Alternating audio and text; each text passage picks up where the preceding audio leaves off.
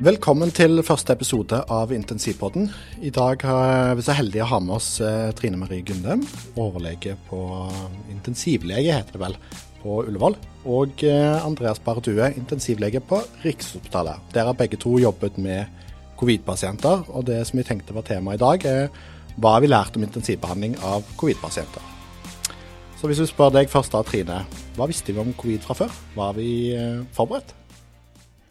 Takk for at jeg får komme, først og fremst. Kjempehyggelig. Spennende tema. Eh, det vi hørte om eh, først og fremst angående covid, var jo at dette var en, en sykdom som eh, angrep først og fremst lungene. Det var en enorgansvikt. Pasientene kom i dusinvis inn på sykehusene, krevde enormt av ressurser og kapasitet, og kom til og belegge våre intensivavdelinger fullstendig. Eh, de første rapportene fikk vi fra Kina, etter hvert fra Italia, hvor det var et veldig belasta sykehusvesen. Vi måtte ta høyde for at vi kanskje kom til å få veldig mange. Ehm, hvor skulle vi ha disse pasientene? Vi eh, jobber, eller jeg jobber på et uh, akuttsykehus, Ullevål, ikke sant. Vi har traumepasienter. Vi har uh, mye ø-hjelp som krever sine intensivplasser. Og vi har ikke en egen avdeling som bare står der klar til å ta imot uforutsette ting. Så det første vi måtte i gang med, var å prøve å stable på plass en intensivavdeling. Og den valgte vi da å legge til postoperativ. Postoperativ avdeling hos oss er ganske stor. Nå husker jeg ikke akkurat hvor mange pasienter den klarer å romme, men i hvert fall er det to separate avdelinger, hvorav vi da tok den ene av de avdelingene og bygget den om til den første kohort intensivavdelingen. Og den kunne da ta opp til 16 pasienter, og hadde også to luftsmitteisolat. Så det var liksom en sånn krevende Vi måtte renske den, strippe den helt for alt det gamle utstyret bygge sluser, sluse til å sluse oss inn, pasientene inn, og også sluse ut. Det var liksom rene og urene soner. Og så regnet vi med at det ville komme veldig mange pasienter, sånn at de Hamilton-respiratorene vi vanligvis bruker, de tenkte vi at de får vi reservere på de intensivavdelingene som er oppe og går nå. Vi får bruke et lager vi har av de gamle servoiene. De hadde vi heldigvis stående på lager og ikke kassert, så det er jo veldig fint i sånne pandemisituasjoner. Så de ble rigget, gjennomgått og testa av MTU-folk, og eh, fikk, fikk, opp og gå en eh, kohort nummer én intensiv veldig raskt. Det var veldig mye logistikk. Um, og så det var vel noe av det vi visste. Det ville bli krevende, ressurskrevende. Vi måtte ha gode planer for kohort 1, 2 og 3, som vi da bygget. Etter hvert bygget vi jo tre intensivkohorter som sto klare til å ta 33 pasienter totalt. Så fikk vi heldigvis ikke så mange. Men eh, også må vi ha, måtte vi ha egne vaktlag som skulle bemanne disse intensivpasientene, disse covid-pasientene. Um, og dette er jo Jeg jobber hovedsakelig på en generell eh, kirurgisk intensivavdeling. Dette er jo medisinske pasienter. Vi vil jo gjerne dele på byrden. Vi vil òg ikke minst høste ressursene til de medisinske intensivlegene også. Så dette var jo et samarbeid både fra medisinsk og kirurgisk side og også på sykepleiersiden. ikke sant? Her var det mange som ikke var vant til å jobbe sammen i utgangspunktet, som nå plutselig skulle samarbeide over pasienter. Og det er utfordrende også i seg selv. Men vi visste altså det kunne kanskje komme masse veldig syke pasienter til oss. Vi hadde også hørt at disse Eller hørt Det vi hadde å, å belage oss på, var jo case-rapporter, nærmest. Veldig lite evidens. Ingen visste mye om disse covid-19-pasientene. Vi hadde studie fra Al-Radadi eh, fra Saudi-Arabia eh, om ca. 350 pasienter, som jo var MERS, eh, altså mm, denne, denne MERS-koronavirusen som, eh, som uh, hørtes ut som var veldig lik disse pasientene vi, vi, fikk, i klinikk i hvert fall. Og der var jo litt av budskapet ut fra den studien at disse pasientene de uh, profitterer på tubes direkte, altså intuberes direkte. Eh, unødvendig eh, tøys og tull med NIV og Optiflov, det ville bare gjøre pasientene verre.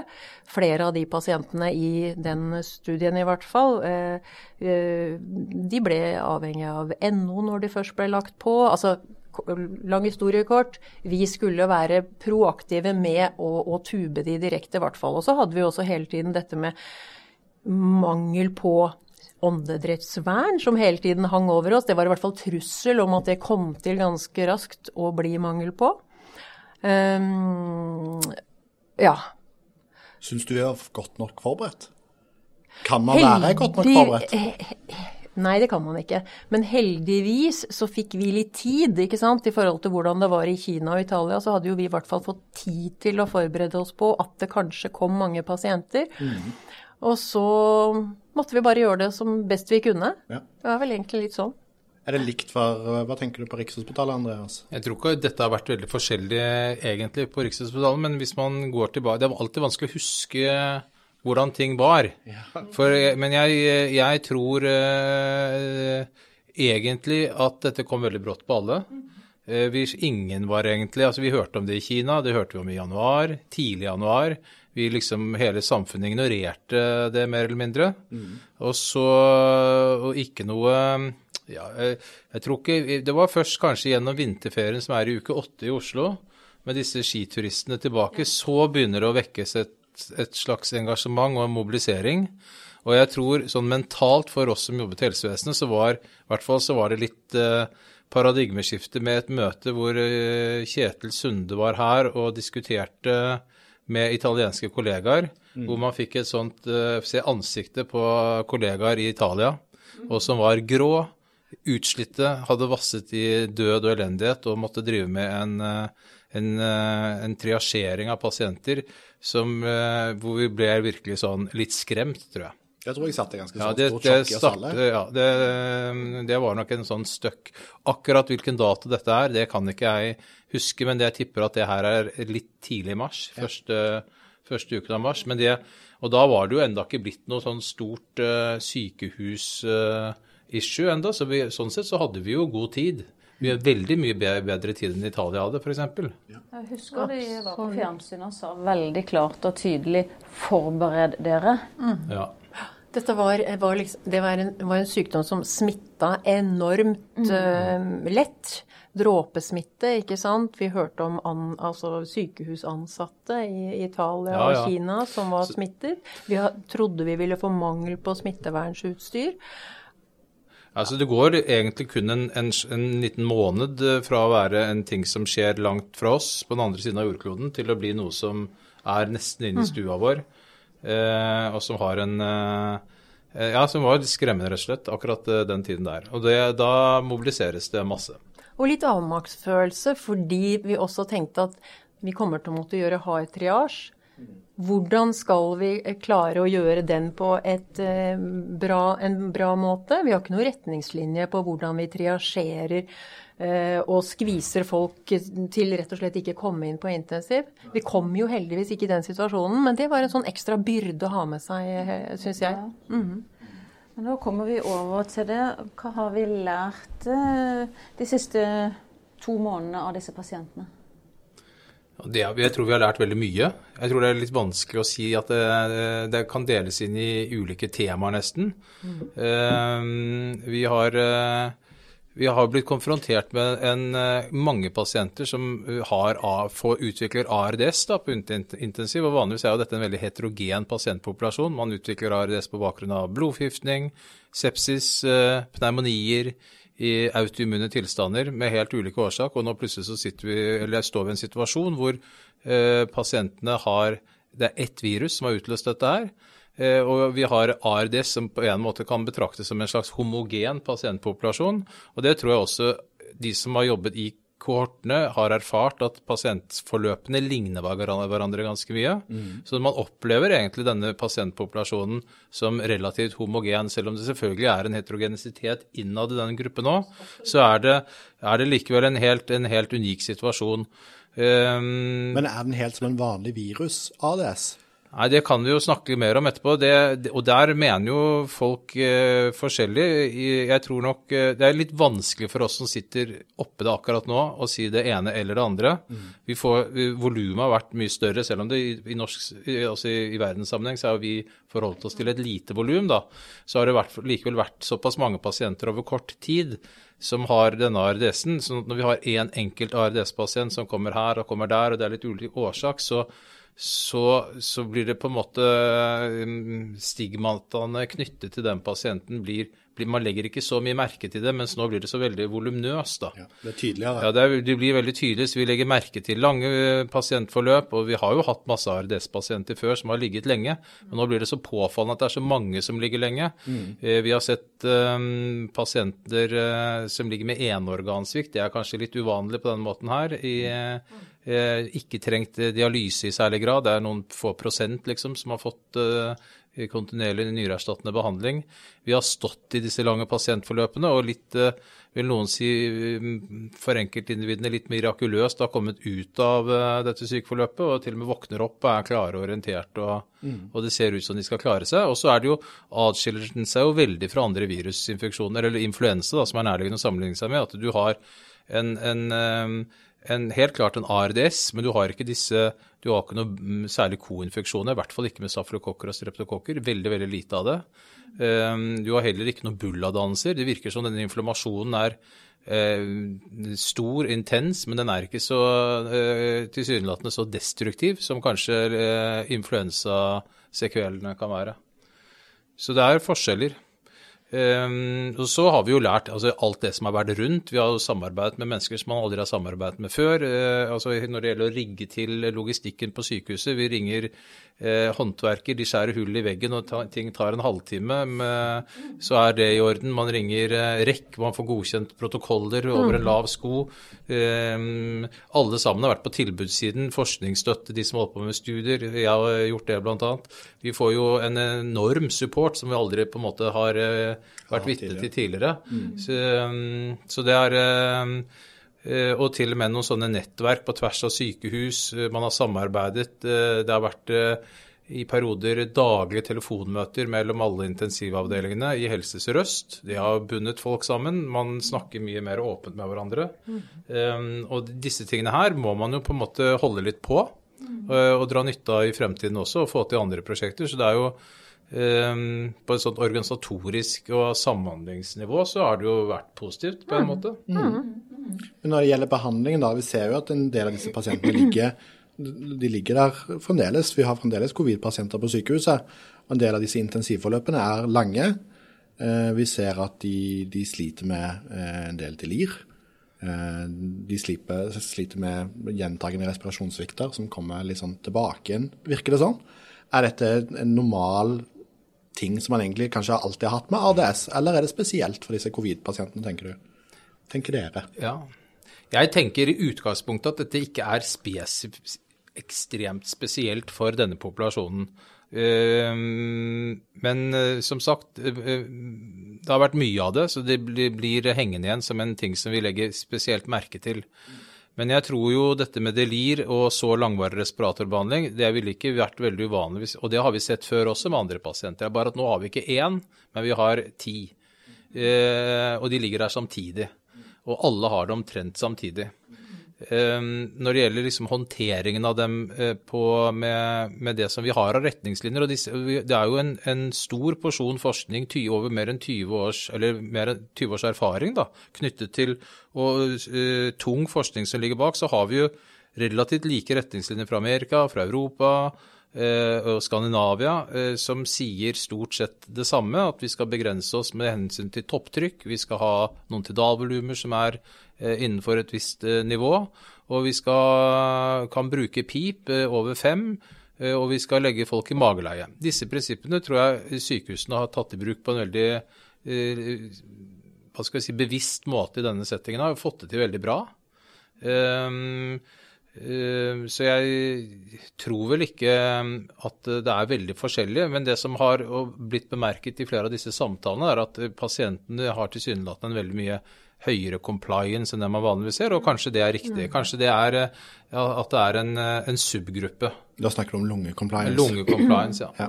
ja. Men i og med at uh, disse covid-pasientene har mest hatt lungeproblemer. Er det mange av de som har blitt koblet opp på ECMO? I Norge har vi hatt så vidt jeg vet, to pasienter på ECMO. En på Vestlandet og en på Rikshospitalet. Og Det er jo interessant. for når vi I forbindelse med at man forberedte seg til denne pandemien, så ble det med forestillinger om at det skulle bli jeg vil kalle det masseinnvandring på sykehusene. Så ble det helt eh, altoverskuende at vårt sykehusvesen, da måtte sykehuset selv klare å håndtere sine pasienter. Det var budskapet ut. Eh, Bærum måtte klare sine, Lovisenberg måtte klare sine. Eh, og det ble appellert til disse retningslinjene. Og det er ikke om man må forsøke permissiv hyperkapni, altså en snill ventilasjon, prøve mageleie, og at man kunne ikke forvente ECMO tilbud fra Rikshospitalet som det ville være, man ville kunne gjøre i, i fredstid, da, for å si det sånn. Dette har jo da utløst en eh, god behandling på de mindre sykehusene. Mm. Um, og pasientene blir tilsynelatende bedre, og så har man jo sett at de har blitt verre igjen. Og så har folk noen ganger tatt kontakt, og så har man tatt kontakt på et tidspunkt hvor det er kanskje to og tre uker etter at vedkommende blir intubert. Og da begynner det å bli seint? Da begynner det å bli litt sent. Og all evidens, hvis det i den grad det er evidens innenfor ECMO og ARDS, så er det jo lurt å starte den ECMO-behandlingen tidlig. Så man har kommet på en måte i en situasjon hvor man lagde en, en slags protokoll, for vi utarbeidet en ny protokoll for ECMO-håndtering i denne pandemien er sånn, men hvor man skulle prøve alt dette er sånn. Eh, og så har sykdomsutviklingen vært slik den har vært. Slik at når henvendelsene har kommet, så har det på en måte vært for sent. Men når det er sagt, så er det jo litt enestående for Norge sånn totalt sett. Kan jo skilte med en, eh, en veldig, veldig lav uh, intensivmortalitet. Så jeg tror jo uh, som primært er et uttrykk for at den jobben som har vært gjort, er, har vært veldig bra og kyndig. Jeg tror de siste tallene var sånn rundt 20-21 mortalitet ja. i hele Norge. Mm. Mens andre jeg mener, Det er jo steder i USA som opererer med helt andre tall. Så sånn sett så, Det er litt oppsiktsvekkende. Så man, sånn, totalt sett kan man være litt stolt av det, mm. det man har fått til. Mm. Men Trine, tenker du det samme rundt intensivbehandling? At på en måte, de ADS-retningslinjene vi hadde fra før, var, var, godt nok? Og på en måte, ville vi gjort ting annerledes i dag med den kunnskapen vi sitter, sitter nå med? Ja, ikke sant. Vi kan jo få en ny bølge. Sånn at jeg, jeg tenker at det vi har lært jeg, Eh, AEDs-retningslinjer og, og Berlin-definisjon er helt utmerket. Det er det ingen som, eller ikke så mange som, eh, som, eh, lurer på. Men det vi har erfart som har fått disse pasientene rett inn fra gata selvpustende, det er jo at enkelte av disse pasientene har klart seg veldig fint med Selv om de har hatt elendige PF-ratioer ved innkomst, selv om de har hatt med 15 liter maske, har hatt PaO2 på 5, kilopascal, så har vi latt noen av de få litt tid fordi de rett og slett har hatt det så fint og ikke ønsket tube selv. Sånn og kanskje også fordi vi har ventet et større antall pasienter. Så har man kanskje. Ja, jeg tror ikke det var det som var For vi hadde som eh, vår første strategi var når disse pasientene var såpass eh, svekket av enorgansvikt, i ja. hvert fall dårlig blodgass Vi kom omtrent ikke høyere med den maske-FiO2-en eh, vi kunne tilby. Nei. Så var vår tanke å intubere disse pasientene tidlig. Men så hadde vi litt erfaringer underveis. Vi hadde bl.a. én pasient, en godt samarbeidende pasient kollega av oss som var, han var helt klart innenfor for, um, kriteriene for alvorlig ARDS. Han ville ikke på tube. Gi meg alt annet enn tube. Og det var den første pasienten vi prøvde NIV på. Og som da klarte seg med NIV.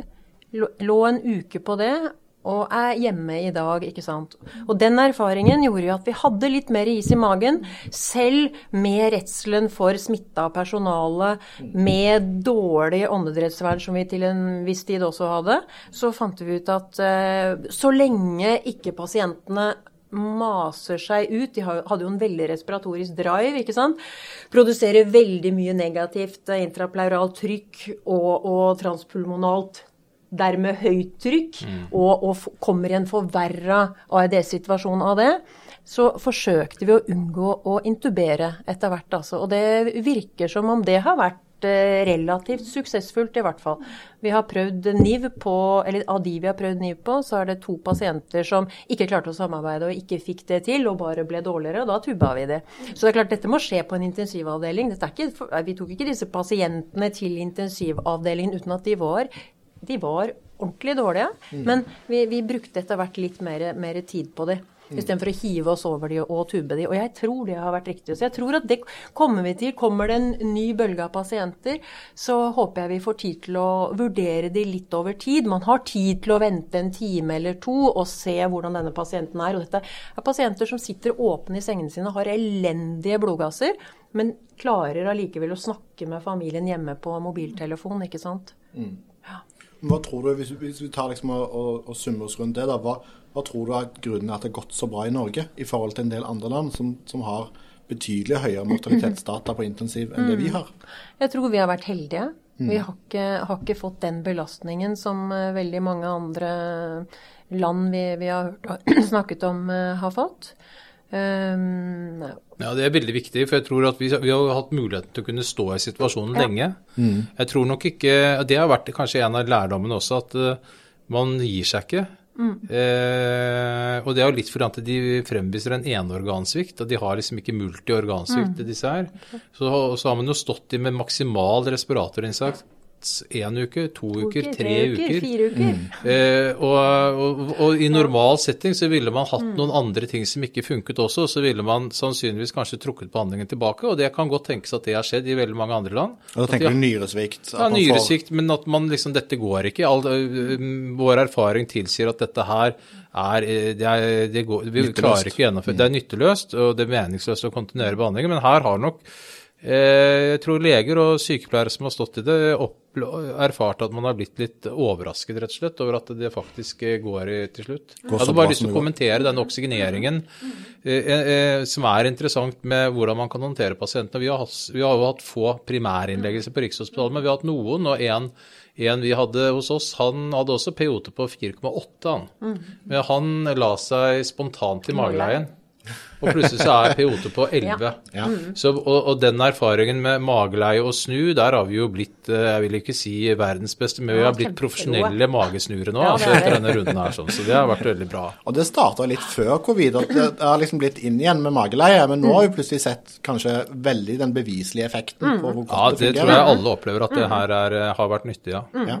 Og vi hadde jo eh, Medisin har jo også gjort en fantastisk eh, jobb eh, for oss her. ikke sant? De har hatt pasientene i kohortavdelinger borte på medisinsk seksjon. Det er ganske lange avstander her på Ullevål. Sånn at der har, eh, har infeksjonsmedisinerne og sykepleierne gjeta disse pasientene. Og så har vi hatt daglige telefonmøter mellom, eh, mellom oss på intensiv hos oss og, og, eh, og infeksjonsmedisinerne. Og så har de sagt ifra nå har vi en pasient som begynner å å bli litt dårligere. Og så har vi gått på tilsyn, og så har vi dratt de over til, til oss når de har blitt for dårlige. Fordi det har føltes ubekvemt at de ligger så langt unna hvis de plutselig fallerer. Og så bygde man da også etter hvert opp en intermediæravdeling som skulle ta nesten 30 senger, som lå vegg i vegg med intensivkohorten vår. Og det var, føltes mye bedre å kunne da ha de nært, ikke sant. Og der var det da eh, både anestesileger og medisinske leger som, eh, som underviste kirurger til å passe, være og gå vakter sammen med anestesikyndige, selvfølgelig, og passe på disse pasientene. Og denne pasientgruppa, de ble helt fra starten av oppfordra til å snu dere hyppig, legg dere i mageleier. Og det fungerte veldig bra. Altså ingen av de pasientene, til tross for elendige blodgasser, til tross for ganske slitne pasienter, mange av de, så var det ingen av de som havna på, på tube. Men hvis vi har gjort mange riktige ting, da, hva har de andre landene gjort, gjort feil, da, for å si det sånn? da? Altså, som, de har jo brukt mange av de samme teknikkene som vi har brukt, med mageleie, lave topptrykk. Har det vært bare at det har vært så mange? Belastningen av systemet, ja. tror jeg. Jeg tror ikke vi er så veldig mye flinkere. Så tror jeg ikke vi skal helt konkludere enda, for vi vet ikke Nei. så mye om disse tallene der ute. Eh, det var jo en stor eh, litt tidlig i april så kom uh, en artikkel fra IAMA med italienske tall. da. Mm. Og de har en, eh, Det er vel en 1500 pasienter inkludert ja, på intensiv. Det er jo langt uh, flere enn det vi har hatt i Norge. Ja. Hvor de har en, en mortalitet på intensiv på 26% Det er ikke så mye. Mm. De gamle over 65 år så er det vesentlig mer, på noen nærmere 40-30-40 mm. Og de som er under 64 år, så har du en mortalitet på 15% så, og har, jeg, jeg tipper at det har vært ganske ganske store regionale forskjeller i Italia. Mm. Den Lombardia-regionen er et, et, tett befolket område med masse små sykehus og mm. noen større enheter. Og det, du vil sikkert finne stor variasjon mellom disse sykehusene. så at det er noe sånn unikt norsk å være, det, det tror jeg ikke. Men, eh, i, men, en av forklaringene, hvis Norge har, gjort, uh, har vært uh, holdt på å si, blant de med lavest mortalitet, tror jeg nok er pga. kapasiteten. Mm. Vi har aldri vært presset på den måten som vi fryktet, og vi har, aldri, vi har ikke vært i nærheten av å liksom ha et system som kneler. Mm. Det, I sånn sett så kan det være interessant å se på tall fra Sverige etter hvert. Uh, men jeg vi vet ikke veldig mye eh, om det, men jeg tror, eh, uten at de har heller ikke gjort opp tall, men jeg tror ikke det ligger sånn på langt over 30% i Sverige. altså. Nei. Det tror jeg ikke. Men eh, det er jo sånn at vi kan jo få en bølge til, da. Ja, det kan vi. Mm, og vi har ikke i utgangspunktet for mye intensivkapasitet i Norge, altså bare så det er sagt. Vi har vært heldige, ja. og det tror jeg jo er noe man må lære av dette her også. At man må planlegge neste sykehus som bygges. ikke sant? At man tar høyde for at man trenger god eh, kapasitet på intensivplasser. At man må ha, sånn som dere har på Rikshospitalet, ikke sant? en avdeling som man faktisk kan gjøre om til en totalt undertrykksavdeling for mm. ti pasienter. Det er ganske unikt. Og en sånn eh, planlegging må man gjøre. Man må alltid sikre at man har lager for gode åndedrettsvern, ikke sant. Og så er det viktig at uh, man også har felles uh, retningslinjer på hvordan man, uh, hva slags utstyr man skal bruke. Altså det, ble, det, var også veldig forskjellig fra sted til sted. Noen, noen hadde bare kirurgisk munnbind en periode. altså her nede på Ullevål, så her nede på Ullevål ser jeg ut og ser til høyre for meg. Men dere hadde alltid P3-masker. Vi hadde P2-masker som rett og slett ikke satt godt. De måtte teipes. Vi fikk en forsyning fra Kina som ble brukt i fire dager på kohorten vår. Og så plutselig ble den tatt tilbake for testing. Vi har aldri hørt om, om uh, hva resultatet ble på den testen. Men, Han strøk på fit-testen. Han gjorde det, ikke sant. Ja. Så, så, man kan si mye, mye, om utstyr, altså, men noe med å trygge i hvert fall de som skal jobbe med de dårligste pasientene, om at på utstyrssiden så skal vi være oppe og gå. Mm. Det syns jeg. Så der var vi ikke godt nok forberedt? Nei, der var vi ikke godt nok forberedt. Men videre, da, så bør det jo forskes på. Hva er interessant å forskes på? Nei, det, um, nå er det jo um, mange forskningsprosjekter som pågår. og jeg tror at hvis man uh, og med utgangspunktet at vi nå har uh, egentlig en helt unik situasjon, med at vi har denne homogene covid-19-ARDS-populasjonen og kastes over, så kan man jo se for seg forskjellige forskningsscenarioer eller forskjellige fokuser. Én ting er en ren sånn ventilasjon, hvordan ventilerer vi pasienten. Og nå har det jo, I de siste månedene så har det jo på nytt uh, kommet opp uh, spekulasjoner om er det subtyper eller mhm. subfenotyper av ARDS-en. Og da er det noen, noen, som kaller en fenotyp for en H-variant, som har typisk litt stive lunger, mm. høy, lav compliance, som har mye skjønting, og som mm. har litt tunge, våte lunger. Og så har du en L-variant, som er en lette lunger med høy compliance og mindre skjønting. Og at det var mulig å differensiere er sånn, og finne at denne måten å ventilere denne pasienten på vil være hensiktsmessig versus denne måten. Men så tror jeg det er vanskelig å identifisere det, og det er gjort forsøk på det. Hvordan kan man finne fram til hva som er hva? Og Der, eh, der har man ikke noe godt verktøy ennå. Og en sånn type intervensjon hadde vært superspennende hvis man klarte å få til. Det ville, være, ville liksom brakt oss videre et skritt til, kanskje. For at innenfor disse retningslinjene som foreligger, så er det ingenting som sier noe om hvordan vi skal ventilere pasienten. Det er ingenting om modalitet som skal brukes. Så dette, kunne, dette er absolutt, og helt sikkert flere initiativ rundt omkring som prøver å gjøre noe med det. En helt annen bit av dette er, sånn, er å angripe virus, da, sånn som denne WHO-studien er en del av.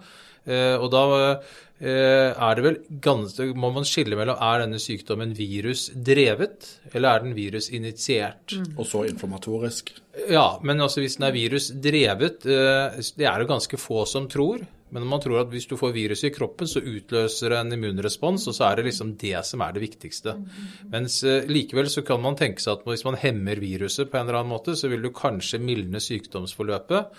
Og i denne settingen her, hvor intensivressursen har vært et knapphetsgode, så ville det å redusere innleggelse i intensiv med 10-15-20% vært helt avgjørende da, i land som Italia f.eks., hvis du kunne redusere den mengden mennesker. Så der har man jo prøvd på remdesivir, som er kalles den der ebolamedisinen, som på en måte hemmer virusets evne til å replikere seg selv. Og så er det den andre tingen som vi har brukt vært med på i Norge, den andre armen, som er hydroksyklorokin, som gjør noe med eh, omgivelsene inni disse organellene som heter lysosomer inni cellene, som gjør miljøet der mer basisk, slik at viruset har vanskelig for å overleve. Dette her har vi enda ikke svar på, og det blir eh, kanskje svart ut etter hvert. Eh, og forhåpentligvis eh, om ikke veldig lang tid. For nå er det såpass mange og store data på dette her at det bør være mulig på en måte å konkludere på noe av dette.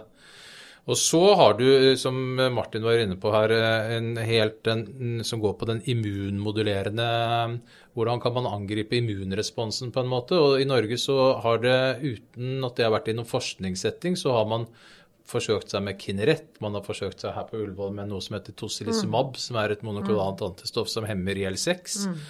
Og det fins komplimenthemmere, komplementhemmere, det, finnes, det, er, altså, det er bøtter og spann som fins, men problemet med dette her er jo å, å få det til tidlig, kanskje, og, og, få det til på en måte som er trygt. For at når du intervenerer med noen sånne ting, så kan du risikere at det gir mer skade enn uh, nytte. Mm. Um, så en sånn safety uh, Eh, bit av den type forskningen er helt vesentlig. Um, så, eh, og, så er det, og den siste biten som eh, Dette går jo da på intervensjon med selve sykdommen. Og så tror jeg nok det vil være stor, stor interesse. Hvordan går det egentlig med disse pasientene her uh, om ett år, om to år?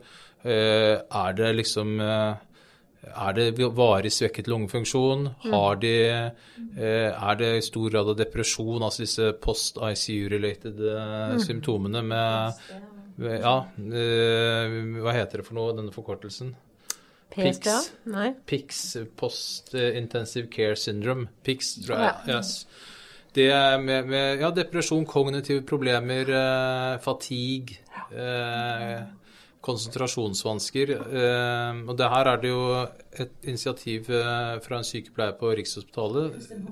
Ja, hun, hun har jo fått penger fra Forskningsrådet, så det er, eh, det er en kjempeviktig bit av det også, for å lære noe generelt om, om korten. Og det kan man jo overføre, antageligvis, den kunnskapen til andre intensivpopulasjoner. Mm. Hvordan, Trine, hvis, hvis vi skal forberede neste runde, hva bør vi gjøre da? For vårt vedkommende her på, hvis jeg tenker bare på Ullevål og, og mitt arbeidssted, så blir det å peke ut hvor vi skal ha hvor vi skal ha eh, intensivkohort neste gang. For nå er vi jo i en sånn situasjon at som sagt, Ullevål er et traumesykehus. Det er masse ø-hjelp, og det er grenser for hvor lenge man også har kunnet stoppe den elektive virksomheten, som man jo måtte helt i den startfasen hvor vi ikke visste hvor mange pasienter som kom. Nå er jo alt eh, oppe og gå igjen, i hvert fall det meste av det elektive. Ø-hjelpen kommer. Eh, ved neste omgang nå Vi kommer ikke til å ane om det er én pasient eller tre, fire eller ti pasienter som kommer, og kan vi da stenge av så et så stort areal på nytt igjen og, og, legge beslag på det, og dermed stoppe opp all annen elektiv virksomhet abrupt, i hvert fall. Mm. Så det er vel det vi allerede nå er i gang med å legge planer for, og det, der diskuterer vi fortløpende. Eh, vi, eh, akkurat i forhold til dette med hvordan vi håndterer de, så blir nok det veldig mye sånn som vi avsluttet med i denne omgangen her. At vi vurderer pasientene klinisk sånn som eh, vi har gjort. og så og så øh, syns vi at øh, denne covid-situasjonen og den formen for ARDS, eller CARDS, eller hva du nå vil kalle den, øh, rimer veldig godt med det som Gatinoni har snakket om i, av fenotyper. Så vi kommer til å tillate å vurdere pasientene klinisk og å bruke nok i høyere grad fra start av nå. Teste i hvert fall om NIV, kanskje også Optiflov, fungerer. Um, men ellers så er det organstøttende behandling, sånn som uh, vi har gjort. Og det har jo vært, som uh, Andreas sier, stort sett enorganssviktpasienter. Vi har vel hatt to på kontinuerlig hemodialyse hos oss. Ja, vi har hatt, jeg vet ikke helt, to-tre kanskje. Ja. Kanskje litt mer. Fire. Mm -hmm. Så det er ja. Tror dere strategien rundt ECMO vil forandre seg med mer kunnskap, eller tenker dere at vi har egentlig valgt ganske riktig linje? Um, jeg tror um, i utgangspunktet så har utfallet av den linjen vi har valgt, blitt bra. Mm. Men jeg tror kanskje det skal være mulig å og det ble litt satt litt døren litt igjen, for, eh, så man skal kunne kommunisere et problem eh, på et sykehus eh, og ta opp dette på et tidligere tidspunkt, så man kan vurdere det. Og Det er jo forskjell på å, å vet at man skal legge pasienten på ECMO hvis pasienten ligger på Lillehammer f.eks., Eh, enn å faktisk overflytte pasienten og vurdere det inne hos oss. Mm. Og sånn retrospektivt så ville vi hatt kapasitet til å gjøre det i større grad. Mm. Men det var fordi vi trodde, og med rette, at det ville bli en, en, en, en kaossituasjon mm. med veldig mange pasienter inn. Og da, ville, da vil f.eks. ECMO-håndtering av en pasient være ressurskrevende. At vi kan ikke ha det på veldig mange pasienter. Men, eh, men, eh, og jeg er eh, tvilende til at en ECMOen egentlig mm. bidrar noe særlig mer enn en god respiratorbehandling. Ja, ja. Og det vil vi sannsynligvis også få noe mer data på, for det er andre sentre ute som har brukt ECMO i større grad. Og jeg kan aldri tenke meg at tallene derfra blir eh, i nærheten av så gode som totale intensivtallene vi har fra Norge. Men oppsummeringen da til slutt er kanskje da at, altså, hvis dere er enige, at uh, ADS-behandlingen som vi har gjort i, det, i, dag, er egentlig det som vi kommer til å fortsette med videre? Ja, hvis man kan bare rekapitulere litt. Jeg tror det er én ting som jeg tror eh, mange har gjort eh, som kanskje er en feil. At vi, for at vi, vi, behandler disse pasientene som er kritisk dårlige, legger dem på magen, de blir litt, ganske raskt litt bedre. Mm. Og så kommer man til en fase OK, dette gikk bra. Vi letter litt på sedasjonen, vi får vedkommende litt mer mm. våken, vedkommende begynner å puste selv. Mm. Vi er fornøyd. Men vedkommende er på ingen måte med denne spysykdommen her i mål. Og så har vi kommet i den motsatte grøften, at vi lar vedkommende puste selv. Og så blir man ikke, man er ikke klar over, eller man blir ikke klar over, det tar for lang tid før man blir klar over at de trekker for store volumer. Mm. Man er tilbake langt unna en protektiv ventilasjon. Mm. Og det her har vi heller ikke så harde data på at det å puste selv med litt store totalvolum, er det så farlig da? Men der tror jeg kanskje at vi, at vi skulle vært litt mer restriktive og holdt eh, bremsen litt på før man gjorde det. sånn at uh, man holdt ut til eh, nivået støtten fra respiratoren var lavere, og så kanskje lettet opp. Jeg mm. innbiller meg at vi har vært litt tidlig med å, å Litt optimistiske. Litt optimistiske sånn ja. du, og da er det noen som refererte til sånn topuklet intensivforløp. Det, flerpuklet, vil jeg ja, si. Ja, flerpuklet, whatever. Men, men, det er eh, Jeg tror vi kanskje i noen situasjoner har kommet dit pga. at vi har vært litt for optimistiske på vegne av pasienten og skyndet oss for raskt istedenfor å holdt, litt på, holdt igjen litt. Mm. Men, Trine, du vil si kanskje at vi burde holdt igjen litt mer på noen før vi landa tube i begynnelsen? Uh, ja, kanskje. Ja. Men har, det er ingen fasit på dette her. Men under nøye overvåking og pasient som ikke sliter seg ut, så kanskje man skal gi pasienten en sjanse mm. til å klare seg uten tube. For jeg tror ikke redningen er å få tube ned i trakea på disse pasientene hvis de kan klare seg uten. Mm. Og så er jeg enig i det at selvfølgelig når pasientene har vært igjennom en en, eh, om det nå er en cytokinstorm, en, i hvert fall et voldsomt forløp med ekstremt dårlig, dårlig oksygeneringsevne, og, og, pasienten etter en ukes tid har blitt, eh, blitt, bedre, så er det klart det er fristende å prøve å vekke pasienten. Min erfaring er vel at vi har ikke fått til det, for det har vært en sånn enorm respiratordyssynkroni. Altså de har stanga imot respiratoren. Det er mulig at noen har man prøvd litt lenge på allikevel, det, det vet jeg ikke, og det kan man sikkert se i ettertiden. Altså. Så du har sikkert et, sikkert et poeng jeg vet jo heller ikke dette er bare noe jeg mistenker, for vi har sett det litt selv. Vi har hatt noen som mm. vi har mm. liksom har vært Ok, dette gjør vi sånn, vi gjør ingenting mm. nå i løpet av fire dager. Mm. Og så har vi F8 ned på 3.03, liksom. Mm. Da begynner vi, og så går det bra. Ja. Men det kan være bare tilfeldig. Men det har, liksom, det har skjedd litt tilsvarende med Og som du sier, flerpuklet forløp. Man nærmer seg noe, og så er det nye mennesker på vakt. Nye mennesker som skal Ja, prøve ja. ting. Man Ja, må ja. se ting med egne øyne, og så, og så stanger man litt. sant? Det skjer ingen, Hva har skjedd i dag versus for tre uker siden? Nothing. Så det er um, Men vi snakker vel om optimalisering her, og den Ja. hovedstrategien for behandlingen er Den, er helt, den bra. ligger Ja. stødig. Den ligger stødig. Den helt ligger veldig stødig. Og jeg må også berømme alle, mm, alle sykehus, egentlig. Vi har gjort en megajobb. Og ikke minst uh, sykepleierne, da, som Absolutt. har fått den aller største støyten med å stå inne hos pasientene med tungt verneutstyr og lange dager og svette og ikke kunne klø seg på nesen. Så det er eh, Jeg syns jo man skal være stolt av seg selv. Det setter vi pris på, Nina. Hæ? Det gjør vi, og syns det var egentlig en veldig fin avslutning. jeg.